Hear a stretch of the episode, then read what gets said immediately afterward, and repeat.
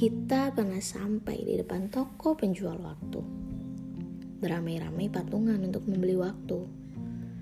Tapi kita dilanda perdebatan tentang bagaimana cara membaginya dengan adil. Lama sekali kita berdebat.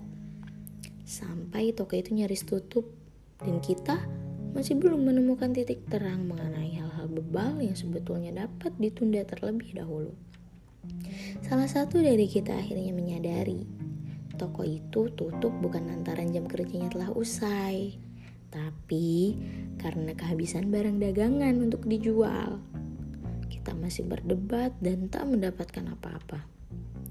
Lantas, perlahan dari kita semua memahami waktu memang dijual di sembarang tempat, di kafe, di hotel, di rumah-rumah, di villa, di kelas-kelas.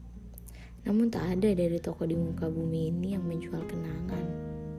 Kenangan tak dijual, tapi kita mengatakannya serentak waktu itu dapat dicuri. Diam-diam kita mencuri kenangan di kelas, di villa, di rumah-rumah, dan di kafe.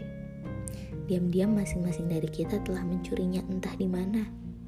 Kemudian menyimpannya ke dalam toples dan memandanginya ketika butuh kenangan yang kita miliki tanpa seorang pun tahu bahwa sebenarnya adalah saling silang.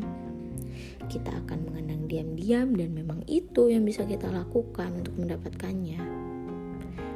Maka kita cukupi saja perdebatan di depan toko yang sudah tutup itu. Karena kita akan berpisah dan mengambil jalan berbeda. Pada perempatan ini atau pertigaan itu serta membawa seikat kenangan yang kita dekap masing-masing. Terima kasih banyak. Bukan karena kita saling memberi, tapi karena kita saling mengizinkan untuk dicuri.